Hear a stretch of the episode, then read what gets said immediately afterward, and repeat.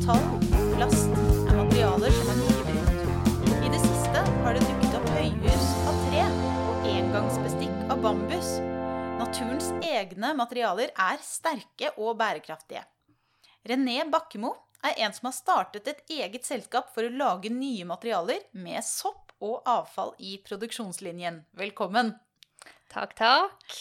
Og René, hva er det egentlig dette selskapet du har startet, går ut på? Ja, altså vi i Mycela, vi eh, ønsker å bruke soppens rotsystem som kalles mycelium, som et bindemiddel da, for å binde sammen ulike typer avfall. Eh, det kan være treflis, det kan være ull, det kan være kornskall um, som vanligvis ikke blir gjenbrukt. Um, ja, ofte brukt til, som brensel, da. Da bruker vi uh, mycelium til å binde det her sammen til et fast biomateriale. Og mycelium, det er da alle disse små røttene, kan man kalle det, det til soppen. Hvordan, hvor, hvor, gode materialer blir det av uh, å gjøre dette her? Jeg ser for meg at det liksom er litt sånn porøst, men hva, hva sitter du igjen med? Ja, jeg, jeg, kan prøve å forklare litt sånn kort selve prosessen. Først så sanker vi jo soppen, og da er vi jo egentlig interessert i selve fruktlegemet. Uh, vi ser på sopp som kalles for tjuke som er de type sopp som eh, ofte gror på trær og ser ut som en sånn ufo eh, ganske hard og barsk type sopp. Så tar vi en bit av den, og så um, gror vi det på et slags næringsmiddel som kalles uh, agar. Eh, og da ender det opp med å få de der hvite, fine trådene som kalles mycelium. Eh, ut fra en liten plate med mycelium så kan du klone det til masse, masse, masse, altså millioner av nye plater hvis man vil. Um, så vi tar da en bit av den plata. Så blander vi det med korn. Dette kalles for spån, eller soppgyte. Uh, grunnen til at vi gjør det, er for at du skal prøve å få soppen til å trives først. Så når du har fått soppen til å trives og egentlig formert seg, så kan du uh, putte det i en utvalgt form mikse det med avfallet som du da vil eh, lage noe nytt av. Du må sørge for at avfallet er sterilt. Så alt vi gjør, da prøver vi å jobbe så rent som mulig. For vi vil ikke ha noe mugg eller bakterier oppi det her. Vi vil bare ha soppen som vi bruker. Um, så mikser du det her sammen oppi ei form, så lar du det gro. Uh, ofte så gror det i vanlig romtemperatur i mørtna. Eh, over eh, Det avhenger litt av soppen, men sånn ca. ei og en halv uke til to uker. Og så vil den fylle ut forma. Soppen vil vokse og fylle ut forma. Så det blir en sånn slags 3D-modell. Um, ehm, og så tar vi eh, alt ut av forma, og så eksponerer vi det til luft. Og um, det som skjer da, er at soppen får litt sånn panikk for den vil ikke miste fuktighet. Så den vil lage et lite sånn, lite sånn hinne da, rundt, eh, rundt Altså eh, rundt overflata. Formen, ja. ja. rundt overflata. Og eh, det som er bra med det, er at da blir det mer vannsikkert. Eh, for å avslutte denne prosessen, at den ikke gror videre, så varmebehandler vi det. Og da er den tørka. Så da har, sitter du igjen med et liksom fast materiale som er utrolig lett og sterkt. Og av utvalgt form. Eh, ja. Hva eh, nå, jeg, nå, sitter jeg med masse spørsmål, men eh, det ene er, er det, Kan du bruke absolutt alt av avfall? Eller fins det noen begrensninger der? Eh, ja, altså alt det er litt vanskelig spørsmål, for det er det her vi skal utforske og vi tester ut nå. Hovedsakelig så må du jo eh, bruke altså organisk avfall og helst næringsmidler som den soppen du har valgt, liker. Eksempel eh, hvis det er en sopp som gror på gran, så vil det veldig, være veldig vanskelig å få den til å gro på f.eks. Eh, bjørk.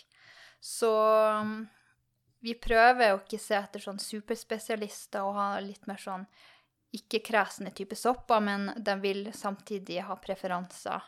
Det som er bra, det er at man kan faktisk trene opp sopp.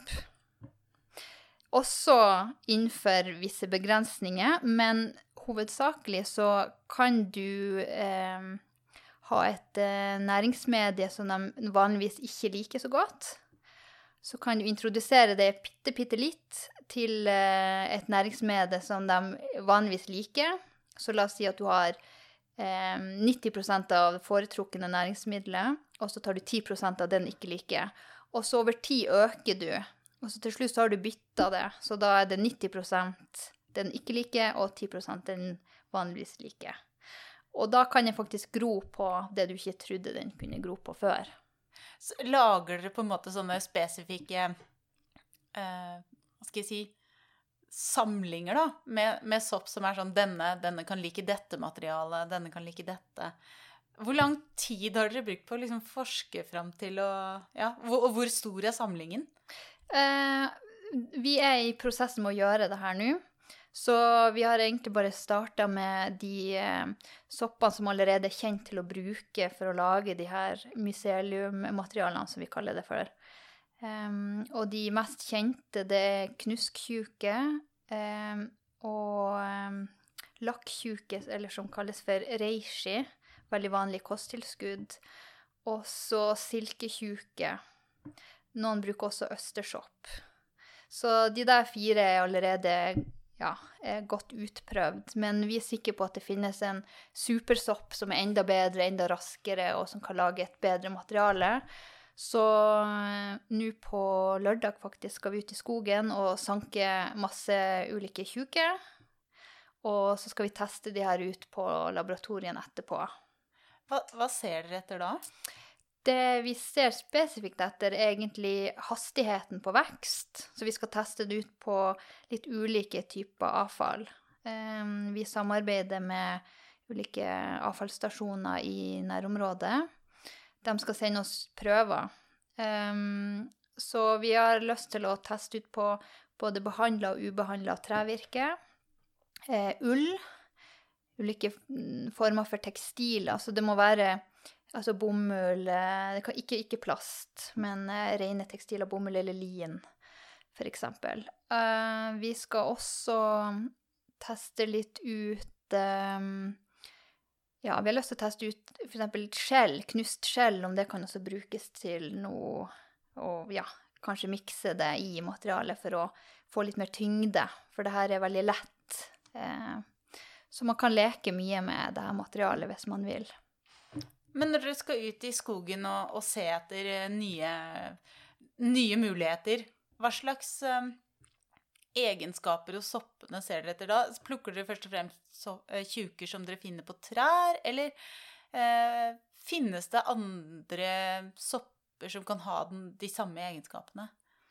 Um, tjuken er egentlig mest interessant fordi at hvis man ser for seg altså, tjuke da, som vokser på tre, på en trestamme eh, Den spiser jo på stedet, så det vil si at den må binde seg ganske hardt fast til stammen.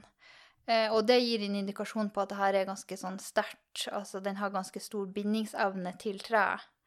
Eh, I tillegg til at man merker fruktkjøttet er veldig seigt og, og hardt. Um, så det kan gi en liten pekepinn på, på at det funker som et uh, Altså til å lage miseliummaterialer. Mens uh, andre typer, f.eks. på matsopp, altså sånn Østersoppen er rask, men den lager mye svakere materiale. Mm. Så det er egentlig den retninga vi har valgt. Eh, ja, at man ser på fruktlegeme. Hva slags egenskaper har den? Men jeg, jeg, så en gang en sopp som tilsynelatende, da, for en som ikke kan så mye om akkurat det, eh, så så det ut som at den vokste rett ut av betongen. Eh, er det, er det, også Finnes de soppene, holdt jeg på å si? Og er, hvor finner man dem? Um, det er jo ofte også på grunn av at uh, de her sopptrådene, altså de mycelium Mycelium er en samling av hyfe. Hyfe er en sopptråd. Og um, inni der er det et stort sånn væskepress. Så ofte er det supersterkt, så det kan faktisk trenge seg gjennom betong. Så det er sikkert det som har skjedd, at den har ja, skvist seg inn med ja, hardt, hardt press, rett og slett. Sprengt seg vei. Ja, sprengt seg vei. Men kan de brukes som byggemateriale, eller, eller vil de være mer ødeleggende? Mm, altså, i utgangspunktet så er jo altså eh, De hyfetuppene er sterke i seg sjøl, altså med det væsketrykket. Eh, fordi du må tenke deg De skal jo bevege seg under jorda, og det er masse hindringer, og de skal liksom komme seg frem. Så det er liksom på en måte en sånn generell egenskap. Um, og det vil ikke si at fruktlegeme blir supersterkt, men på en måte krafta til en, en enkel sopphyfe kan være ganske stor i forhold til noe annet i samme størrelse, Nettopp. hvis det gir mening. Ja. Ja, så vi er opptatt av å se på det ferdige fruktlegemet, hvilke eh, egenskaper og utseende har det. For det er det som, som blir materialet, eller? Nei, det, vi venter ikke så lenge til at det blir noe fruktlegemer. Men det gir på en måte en indikasjon på um, hvor sterkt det materialet kan bli. Nettopp. Ja, gjennom vekst på ulike typer næringsmedier. Så man kan også sjekke det på å lage de der eh, agarplaten. Eh, hvis man prøver å kutte det med kniv, så er det noen som er utrolig seig. Du nesten må trenge deg skikkelig hardt igjennom med skalpellkniv som er superkvass. Og da kan du også merke at det her er et, kan bli en ganske sterkt materiale. Mens andre er mer sånn hurtigvoksende, veldig fluffy, f.eks. østersoppen. Veldig fluffy, men veldig lett å kutte i i næringsmediet. Kan dere lage nesten hvilke som helst former? Altså jeg bare Nå ser jeg, ser jeg for meg da en potensiell framtid hvor du på en måte lager former à la typen pepperkakehus, og så er det jo lett, dette her. Så da er det jo bare å frakte hele, hele husveggen av gårde i en bit. Hvordan, uh, hvordan funker det der? Eh, I utgangspunktet så kan du lage det i hvordan som helst form, men du har begrensning på tykkelse fordi um, inni den forma, når den driver og gror, så det kan du også merke i en komposthaug, at inni midten så blir det veldig varmt. Den genererer varme gjennom alle liksom, de biologiske aktivitetene som skjer. Så da må du enten ha en veldig kraftig vifte for å kjøle det ned. Um, som regel så holder man det til under 15 cm tykkelse for at soppen ikke skal kokes inn i midten, rett og slett. Ja, det er jo en god vegg, det. Ja, det er en god vegg, men sånn bortsett fra tykkelse, så er det ikke så stor begrensning. Det som er lurere å gjøre, det er at du, du kan gro det i flere moduler, så kan du introdusere de modulene eh, faktisk etterpå før du tørker det, for da vil de gro sammen, og da vil det bli like sterkt. Altså, du vil ikke ha noe svakhet. Kult. Så la oss si du skal lage en vegg. Så kan du lage masse sånne mursteiner hvis du vil, og så kan du sette dem oppå hverandre og attmed hverandre. Og så vil de gro sammen, og så tørker du. Og så da vil du ha en kjempesterk vegg. Enn å lage en hel stor vegg på en gang. Ser du for deg at dette er framtidens husbygging? Ja, det gjør jeg. Vi har fortsatt mye å finne ut av og mye overbevisning å gjøre. Men det er jo en grunn til at NASA ser på denne teknologien for å lage landsbyer og sånt oppe på Mars. Nettopp. Mm. Hvor finner man de soppene? De har tenkt å ta det fra jorda og så bruke Fordi at du kan utnytte ressurser som de har der, altså som tar med seg altså alt det avfall som er generert av astronautene. Eh, så kan de bruke det til å ja, lage hus og utstyr og ting av gjennom sopp. Ja, nettopp. Mm, på Mars. Det er ganske fascinerende å tenke på. Mm. Uh, er det noe er det noe vi bruker det til i dag? Eller er det noe som vi Er det mest på en måte eh, forskning fram mot en sånn science fiction-scenario, eller har, har, vi allerede tatt dette her i bruk? Ja, det er i bruk i andre land. Eh, det beste eksempelet jeg kan ta, det er et selskap i New York som heter Ecovative. De har holdt på med det siden 2006. Og de eh, bruker det her mest for å erstatte isopor. Så de eh, har en veldig stor produksjon. altså Det er snakk om millioner av eh, enkeltdeler isopor som de selger til ulike eh, produsenter. De har Dell som en stor sånn hovedkunde, eh, som ja, ville ha et litt snillere og bedre miljøavtrykk. Um, og den, det funker veldig godt som isoporerstatning fordi den er så lett, og så kan den formes til det produktet du skal beskytte.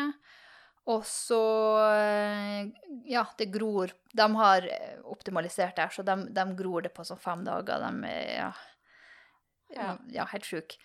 Um, og um, det kan også kastes i hagen, for det er det som er så fint med det her materialet, er at det kan eh, lages kompost av. Så du introduserer det tilbake til naturen, og så går den tilbake til naturen og kan også bidra med å gi økt næring. Så eh, det er fordelen i forhold til andre alternative biomaterialer som må ha et eget komposteringssystem. Men, men, du risikerer ikke, hvis du bygger et hus av dette materialet, at det liksom begynner å At, at denne soppen plutselig finner på å dø inni der, da, og så ramler huset sammen? Det, kan det skje? Eh, det er jo begrensninger, som sagt, og den må jo, må jo testes ut over tid. Eh, det er gjort en del utprøvninger allerede der man har brukt det som eh, isolasjonsplate, for det er en annen egenskap som det her mycellematerialet har, er at det er veldig isolerende både for lyd og for temperatur. Det de fant, var at de måtte ha det sånn ca. 20 cm over bakken og så er den ganske beskytta inni huset og kan vare veldig lenge. Så man må på en måte man må tenke litt kreativt og være litt sånn lur når man bruker sånne her materialer. Og problemet i dag, mener jeg, det er at man forventer at ting skal vare så lenge. Man eh, bruker plast til så mye unødvendig, og så blir man ikke kvitt det på tusenvis av år, sant? Eh, så man har denne tankegangen at man skal ha en ting, og så skal den vare for evig. Um, men så tenker man ikke på end of life. Hva gjør man etterpå? Hvor skal man bli kvitt det? Så det er liksom fordeler og ulemper med det her. Men la oss si man finner en løsning der det er enkelt å f.eks. bytte de her myceliumplatene inn i hus. Mm. Altså man må tenke kreativt uh, rundt problemstillinga. Også hva er viktigst? At det skal vare i tusenvis av år, eller at man skal hindre forsøpling og, og, minimere plastbruk. Altså, det her er jo snakk om Glava, da, som heller ikke er noe bra. Mm. Mm. Men er det, er det, først og fremst det man bruker det til nå? Altså, i framtiden, fra husbygging til NASA, er det andre ting vi kan lage? Vil det kunne erstatte alt det vi bruker plast til, f.eks.? Mm, nei. Det vil jeg ikke. Altså, plast er unikt, og plast er òg bra. Eh, problemet er uvettig bruk av plast, og vi bruker det for mye. Så man må prioritere å bruke plast mye, mye lurere og til de nødvendigste ting. For eksempel, du vil ikke ha myceliumhofta, for eksempel. Der må du ha plast eller titanium, ikke sant, inni hofta di. Så det er, det er, mange ting man må bruke plass til, og man burde bruke plass til det. Men så er det mange ting som man ikke trenger å bruke plass til, og da kan man ha mye, mye smartere, bedre løsninger, som f.eks. myceliummateriale. Um, en annen ting som allerede er, er brukt um, mycelium til, er f.eks. skinn, altså skinnerstatter. Nettopp. Ja. Hvordan foregår det? Der kan du gro Eh, et ark, da, som de sier. Ark med skinn, som vanligvis du bruker to til tre år for å altså, fostre opp ei ku, og ja, masse CO2-utslipp og vann og landareal og diverse, ikke sant? Høyt miljøavtrykk. Så kan du istedenfor gro det samme arket eh, med mycelium på ti dager. Oi. Mm. Og, det, og da kan man kanskje, i framtiden, da, eh, velge farge og Ja, det her er allerede utprøvd. Det, det skal jo komme til neste år. Så har Adidas eh, noen sånne myselium-skinnsko som eh, allerede er produsert, men de må oppskaleres så at det er liksom, ja, flere av dem. Så det her er allerede bekrefta. Eh, men jeg har en kritikk til det fordi det er ikke 100% mycelium i de her skoene, så det er en, en, liten vei å gå igjen. De blander fortsatt inn litt plast for at det skal få en viss finish, og at det skal være ekstra vannavstøtende. Men det oppgir de ikke i, uh, i reklamen, da. Så poenget er at det krever litt mer, litt mer utvikling av det her såpassert skinnet. Men det er kjempelovende, absolutt. Men det er vel litt sånn som med elbiler, f.eks., at man kunne kanskje ikke kjøre så langt med dem i starten. Men så har jo batteriene blitt bedre, og man har fått ladestasjoner, og så har det tatt helt av. Så kanskje det blir sånn med, med dette soppaktige skinnet også, at, at, OK, vi må godta at vi starter der, og så en vakker dag så funker det helt uten plast også. Mm. Ja, det er det jeg tror må til. Um, jeg tror det er både bra og dårlig, det de har gjort uh, egentlig på en gang. Uh, det dårlige er jo det med, med plasten i selve myceliumskinnet, men det bra er jo at de får det på en måte frem også i lyset, at det her faktisk finnes og det er mulig, så at man kan utvikle det videre, og flere aktører kan komme på banen. og så det, er plass til, det er plass til flere på markedet for å lage det her skinnet. Men hvem eh, Når vi går tilbake til Misela, da, det selskapet som du har vært med å starte. Eh, hvem er det som er interessert i de produktene dere lager per nå? Nei, egentlig alle vi snakker med. uh, vi måtte jo ha tatt et valg da for hvilket segment vi skal bevege oss inn. Um, og våre strategier har vært at vi eh, vil satse på litt lavere produksjon med litt høyere kostnader, for vi har veldig lite kapasitet. Vi er tre stykker i teamet. Så den andre strategien ville vært høyt volum med lavere kostnader, f.eks. hvis du skulle produsert da forpakning, altså isoporerstatning. Men for at det skal være lønnsomt, så kreves det jo haugevis med haugevis av enheter og stort lager og masse arbeidskraft. Og, ikke sant? Så vi har da valgt å fokusere mer på design og arkitektur og ja, egentlig skille til kunst. Um, ja, fordi at vi ikke har så høy kapasitet, men også at vi tror da kan det skape litt mer sånn undring og oppmerksomhet ved å bruke den kanalen, da. Så hva, hva lager dere nå? Um, nå har vi for eksempel uh, Vi har fått et Munch-hode av han Edvard Munch. Uh, han er sånn dødsmaska. Det høres veldig creepy ut. Men vi driver og lager Munch i myselium. Um, som Det er så kult! ja, det er, veldig, det er faktisk ganske artig. Eh, og vi ser også på muligheter nå til å ha liksom en liten utstilling til høsten. Så vi er i dialog med eh, ulike gallerier og sånt, og studio, da, for å ha utstilling. Er, er det skulpturer, da, eller? Vi kommer nok til å ha litt forskjellig. Um, vi samarbeider også med arkitektbyrå. Uh, så vi får hjelp til også sånn design og sånt. Uh, så det er en veldig tidlig fase, men vi har masse ideer, og egentlig hele poenget er bare å um, ja, skape undring og oppmerksomhet og vise at det her finnes, rett og slett. Mm. Hvor, eh, hvor, tenker du at dere er om ja, fem til ti år?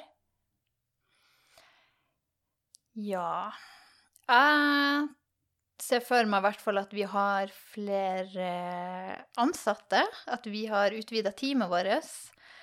Og at vi forhåpentligvis også har utvida um, litt produksjonen vår til litt andre forgreininger.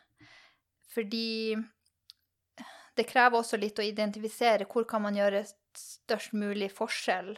Så det er ikke nødvendigvis at det er design og interiør, at det er der du kan gjøre størst miljøforskjell. Så det krever litt utprøving og uttesting, dialog med ulike produsenter og egentlig kunder. Finne ut hva er problemet, hvordan kan vi løse det. Så det vil dukke opp. Det vil dukke opp retninger etter hvert. For det her er så nytt, så vi må egentlig finne ut av eh, ja, mye før vi vet egentlig hvor veien eksakt går. Men akkurat nå så er det mer den design, arkitektur og, og kunst som er fokus. Jeg ser for meg at uh, drømmekunden deres, det er en, um, en aktør som har et uh, kanskje spesifikt problem, sånn materialproblem. Eh, som har lyst til å gå i en grønnere retning, og som har penger, og som sier 'løs dette', Fik, mm. fiks det, vi betaler'. Mm. Det er jo sånn eh, vi tror at det kommer til å bli. Eh, jeg vet at i byg byggebransjen så sliter de utrolig mye med avfall. Altså det er ufattelig mye avfall som eh, kommer fra dem. Og mm, spesielt med Det er ikke noe system på hva man gjør med trevirke. Det blir brukt som brensel. Så det kan være en interessant retning å gå, og så se om man kan knytte det her opp mot noen nye byggematerialer. Eh, ja, upcycle rett og slett gammelt trevirke og lage nye isolasjonsplater, f.eks. Så ja. Det er mange, mange muligheter, og det er veldig lett å gå seg vill og så spre seg for tynt, så vi må være veldig sånn bastant på prioritering og retning, eller så kan du bare gjøre alt mulig, og så blir det bare tull. Men, eh, men er det et problem for dere? At dere er for kreative, rett og slett? Eh, ja, altså det er, jo, det er jo et luksusproblem at det er veldig mye komplimenter, og det er alle interessert i det, og det er fantastisk, og vi kan gjøre så mye forskjellig så må man holde tunga rett i munnen og liksom ha beina planta på jorda og gå den retninga som er bestemt, og ta steg for steg, så at man gjør, gjør det ordentlig. Eh, mm. og det krever mye utvikling og forskning nå i starten eh, for å lage et, et godt materiale. Mm. Mm, så det må også være noe håndfast. Det kan ikke bare være i, i ideer og ja, lovnader, sant. Men til dette med ideer, hvordan kom dere på denne ideen i utgangspunktet? Det å Det er jo Det er ikke så vanlig, tror jeg, det innbiller jeg meg i hvert fall, å starte et eget selskap eh, basert på, på biologi. Hvor, hvor, hvor, kom den ideen fra, og hva, hva gjorde at dere tenkte at yes, nå går vi for dette? Ja. Jeg må begynne litt sånn tilbake, da. Eh, jeg tror du må ha en liten sånn bakgrunnshistorie fra min side. Jeg tok min bachelorgrad i biologi i England. Og jeg var så heldig at i min biologigrad så var det veldig lite som var obligatorisk, så jeg kunne egentlig sånn plukke etter interesse. Um, så min interesse er ganske sånn spredd. Jeg liker veldig godt lab, men jeg liker også feltarbeid. Så det er en god miks av ting som jeg egentlig kan. Og et av de fagene som jeg valgte, var um, forurensningsbiologi. Og da var det en, ei forelesning da som um, handla om uh, altså forsøpling.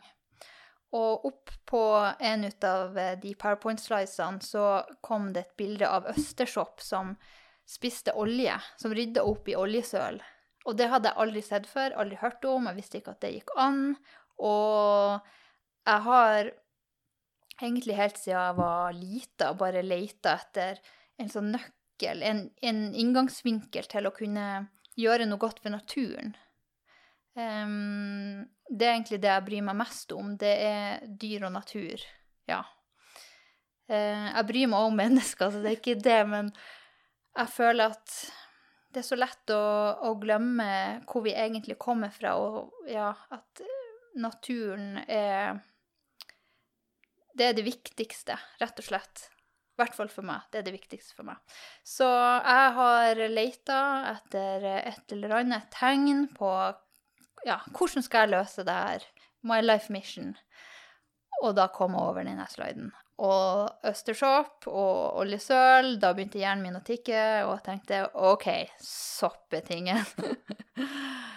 Så når jeg kom da tilbake til Norge, bodde i Oslo, så kontakta jeg Universitetet i Oslo og fant noen mykologer der og sa at jeg vil ta master eh, hos deg, og du må lære meg alt du kan om sopp. Og da sa en fantastisk eh, forsker som heter Inger Skrede Hun, eh, ja, ble min hovedveileder og har lært meg masse.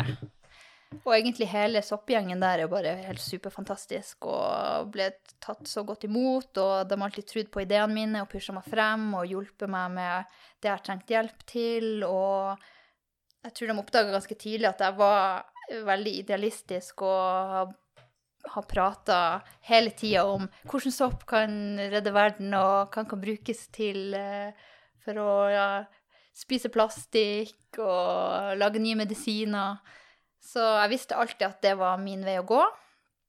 Um, jeg, vel, jeg, valgte å gå over på en, en doktorgrad på NMBU i Ås. Um, men det var med jordbakterier og lystgassutslipp som en, en klimagass. Superfantastiske folk, og jeg elsker gruppa. Og ja, herlig, herlig, herlig plass, rett og slett. Men jeg merka at jeg savna sopp. Nettopp. Jeg merka det. Å redde klimaet med bakterier var på en måte Det var soppen. Det var soppen. Og det var mye grunnforskning, og jeg har alltid hatt en sånn Ja jeg har alltid hatt en sånn tanke om at jeg må gjøre noe håndfast. At ja, jeg liker å forskning og være på lab og alt liksom det normale arbeidet da, til en forsker. Men så er det siste steget som har mangla for meg, det å faktisk ta det ut i livet. Og ta det videre. Så det var også en grunn til at jeg valgte da å, å avslutte min doktorgrad etter et år. Um, måtte ta et uh, hardt valg. Uh, fortsette å gå all in. Uh, jeg gjør ingenting halvhjerta. Det må være full fart og 100% eller ingenting. Så da valgte jeg å hoppe av. Og så kom jeg i kontakt med ei barndomsvenninne av meg, faktisk, som heter Andrea Gamst. Som jeg visste var litt på søken, litt samme som meg da. Og det var liksom rett timing. Hun er kunstner eh, og fotograf. Veldig kreativ person superdyktig med nettverking. Hun sier at hennes hobby er å samle på folk. og det er faktisk sant. Så um, vi to um, har jo, har snakka litt tidligere om de ideene mine og sånt, så da var det egentlig tida for å faktisk sette seg ned og virkelig vurdere skal vi satse på det her, skal vi starte noe sammen. Og vi bare ja, vi gjør det. Og så hadde hun ei anna venninne som heter Maria, Aaslund. Og hun eh, var permittert pga. korona. 50% Så hun hadde også en del tid. Og hun har bakgrunn mer innenfor business og jobber for et designbyrå og um, har vært prosjektleder. Og, så at vi så bare at teamet blir utrolig egentlig kraftfullt, for vi, vi um, komplementerer hverandre. Vi kommer fra helt ulike verdener, og så til sammen så blir vi krutt. Så vi satsa på det her selskapet da i fjor, egentlig rett etter at korona Altså den første lockdown. Og har ikke sett oss tilbake siden. Bare så utrolig fascinerende eh, med sånne Altså hele opplegget, egentlig. Eh, så jeg får nesten frysninger på ryggen. Jeg tenker at eh,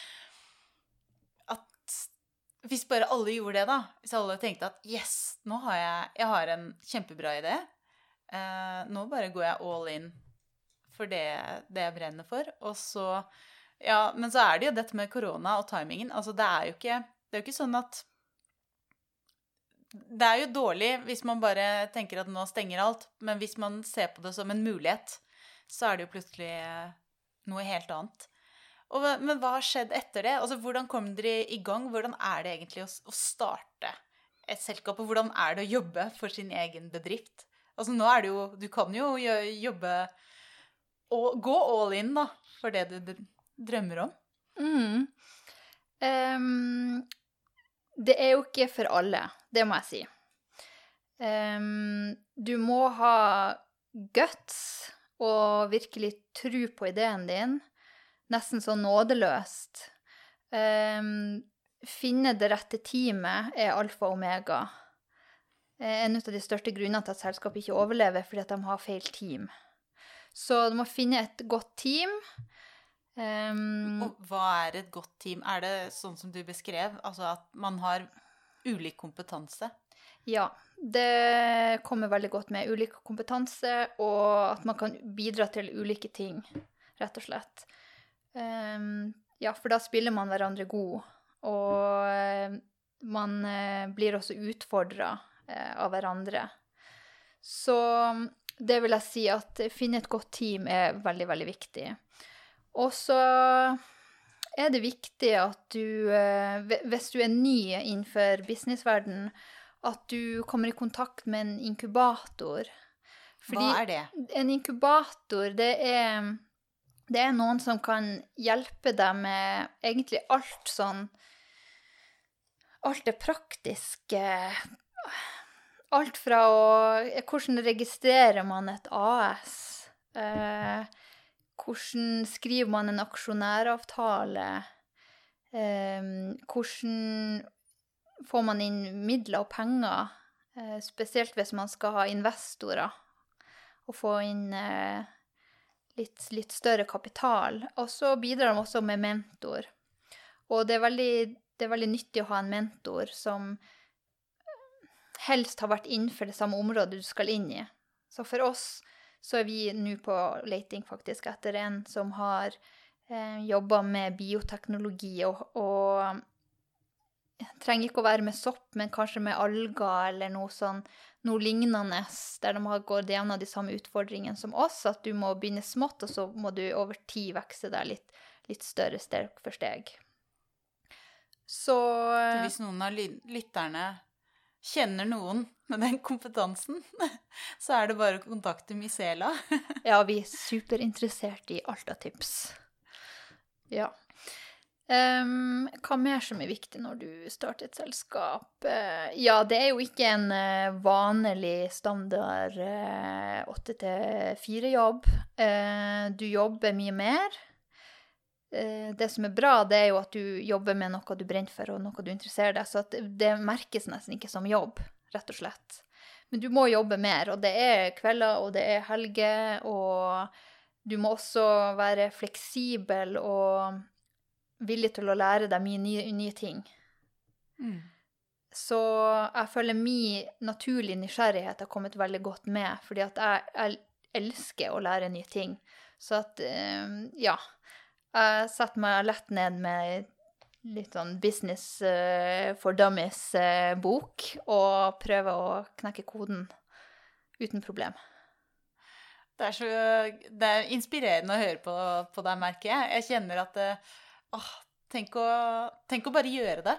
Hva, hva, er dine tips, da, hvis det er andre biologer der ute som, som har litt en sånn idé, som har sett en art eller et eller annet som de tenker at ja, ja, dette var jo en ganske god løsning, eller dette overrasket meg.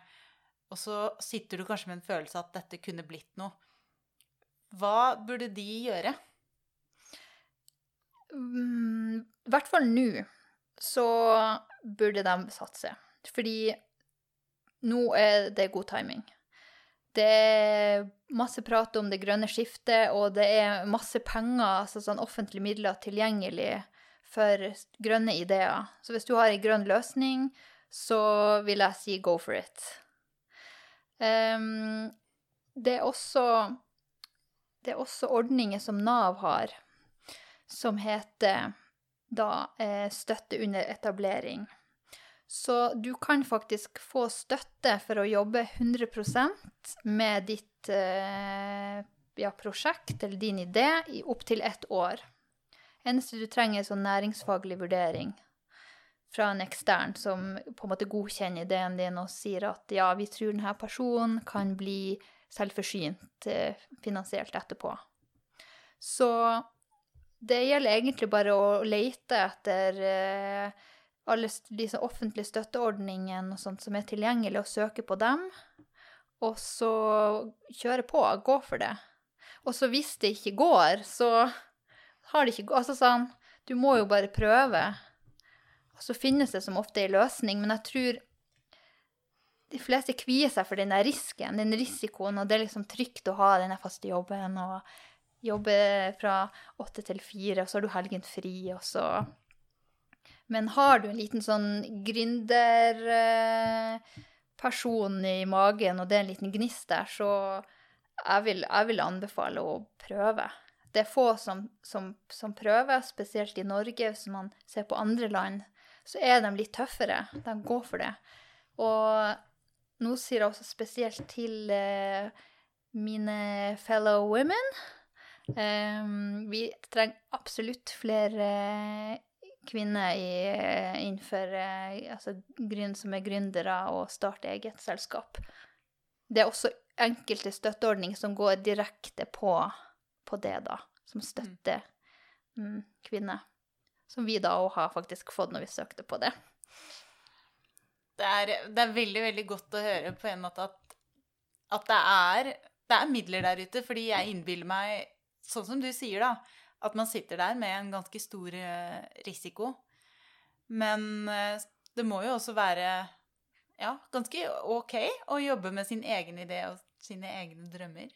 Du er jo også eh, soppentusiast. Litt, kan man si, litt generelt. Og i, for et par episoder siden så hadde vi, Vilde og jeg, en episode om bioluminescens. Og der hadde vi bl.a. noen selvlysende sopper. Og spørsmålet mitt er Vi fant nemlig ikke ut av det. Hvorfor lyser de? Og jeg tenkte at eh, siden du kan så mye om sopp, kanskje du har noen idé om hva dette kan være? Ja. Jeg har eh, ideer om det, ja. Det er jo da to sånne hovedteorier om hvorfor sopp eh, produserer lys. Den Hovedideen, da, det er at uh, de produserer lys. Uh, det her er jo om natta når man ser lyset. De har også gjort tester der de faktisk har sett at de produserer ingenting lys når det er vanlig lys. For soppen har Jeg vil ikke si øyne, men de kan, uh, de kan sense lys og mørke. Så om natta da så produserer de lys, tror man, på grunn av at da skal de spre sporene sine ved at både insekter blir tiltrukket av lys, og dyr finner soppen, da, ser jo veldig tydelig på skogbunnen en lysende sopp, spiser dem og, sprer sporene. Så det kan være en strategi da for å spre arvematerialet sitt. Um, den teorien nummer to, det er egentlig for å bli kvitt ekstra energi eh, som soppen eh, har inni seg da gjennom ulike bioprosesser så må den kvitte seg med energi, og det kan gjøre i form av lys. Så det er de, de to tingene. Eh, jeg vet om eh, noen, eh, noen stammer da, i Asia som bruker denne, en av de selvlysende soppene som vokser på dødt ved. De bruker det som lommelykt for å navigere inne i jungelen om natta. Og det har de gjort i tusenvis av år, og skjønner ikke hvorfor forskere plutselig er så interessert i landsbyen deres og området rundt og soppen. Og tror, du, tror, du, det kan være noe dere kan ta med videre også? Altså en, ikke bare ikke bare byggemateriale, men, men, kanskje man på et eller annet tidspunkt også har selvlysende vegger og eh, Vi har jo sett litt på det her. Men det som er, er at du kan ikke tørke det, da. Fordi at det krever jo at organismen er levende. Det må være, det må være eh, biologisk aktivitet. Så vår idé er egentlig å lage et eller annet i det mycellematerialet, men, men lar det være levende. Og kanskje skyte ut noen fruktlegemer fra det, som lyser i mørtna, og ha det på en sånn utstilling. Kult. Mm. Øh, Ja, den, det må jeg bare si. Den utstillingen vil jeg gjerne se. Den gleder jeg meg til å se. Når Det var neste, neste høst? Nei, Ja, nå vi, vi har lyst i hvert fall å ha det til høsten. nettopp. Mm. Da skal jeg, da skal jeg følge nøye med på om, om jeg kan se noe Ja, eller kanskje, kanskje jeg kan til og med ta kontakt med deg hvis jeg hører om det. Det hadde vært veldig, veldig spennende. Er det andre ting vi burde vite av sopp? Sånn øh, Hva vil du at øh, de som lytter til dette, skal øh, hvis, de- skal ta med seg en fun fact om sopp, eller en idé om sopp som de kanskje ikke hadde fra før, hva tenker du at de burde ha med seg fra dette? Mm, egentlig Altså, det som jeg liker å snakke veldig mye om, da, eller det temaet som jeg er veldig opptatt av, det er hvordan sopp kan brukes til å løse både miljøproblemer og egentlig menneskets problemer, som mental helse og nye medisiner, at det finnes så utrolig stort potensial i sopp. Um, tenk deg hvor lite som er oppdaga, både sopparter Så det er under 10% som er oppdaga og navngitt av sopp. Så det er jo For meg er det jo ei skattkiste å grave seg nedi der og, og, og finne ut noe lurt. Eh, jeg tror nye oppdagelser Ja. Jeg tror nye oppdagelser mest sannsynligvis hvis du dykker ned i soppriket, rett og slett. Så hvis man har lyst til å f.eks. drømmer om å finne en ny art, eller eh, Da søker du etter lav. Ja. Det er en av mine planer, faktisk, eh, oppe i nord. Jeg er fra Tromsø, da. Jeg vet i hvert fall eh, arktisk lav og oppe i fjellene der og sånt, så er det store sjanser for at jeg kan eh, kanskje finne en som ikke oppdaga, og kalle han sånn, jeg vet ikke Bakkemo Bakkemolaven. Jeg vet ikke. Åh, det er Mm. veldig, veldig gøy. Mm. Ja, men jeg ble i hvert fall veldig inspirert, og jeg føler at jeg har lært mye nytt. Så mm, det håper jeg at de som lytter til denne episoden også har. Og så gleder jeg meg til å bare følge med på Mycela og se hva som eh, skjer. Tusen, tusen takk for at du eh, ble med og spille inn denne podkasten. Og til deg som eh, lytter til dette, hvis du har tips eller ideer, så er det bare å ta kontakt med oss på Biopodden alfakrøllbio.no. Vi høres.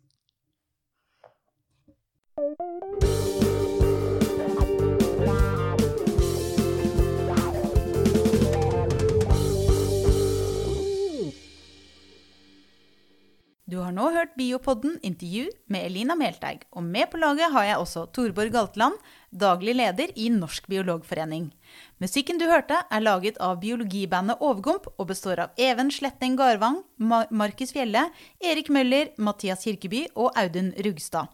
Fortell gjerne om podkasten til venner og kjente, og gi oss tips og tilbakemeldinger på e-posten biopodden at bio.no. Og hvis du vil støtte oss, er du hjertelig velkommen som medlem av Norsk biologforening. Vi høres!